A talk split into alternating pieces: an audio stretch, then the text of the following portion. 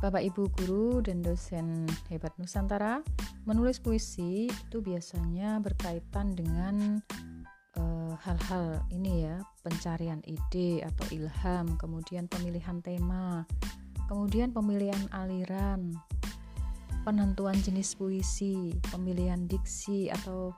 uh, pilihan kata yang padat dan khas, kemudian uh, pemilihan permainan bunyi atau rima, kemudian pemilihan atau pembuatan larik larik-larik yang menarik, kemudian uh, pengucapan, pemanfaatan majas, kemudian ada bait-bait ya yang memiliki uh, satu subject matter, kemudian juga ada uh, tipografi ya dan juga aspek psikologis atau kejiwaan, kemudian ada juga aspek sosiologis atau sosial kemasyarakatan, penentuan feeling atau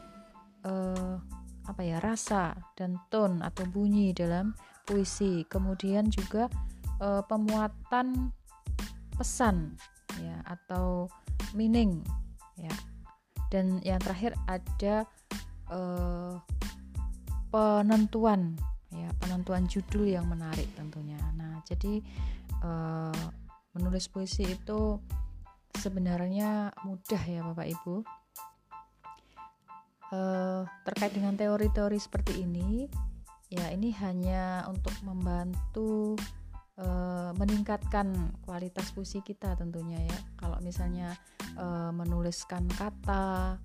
merangkainya kemudian menjadi kata-kata yang puitis yang memiliki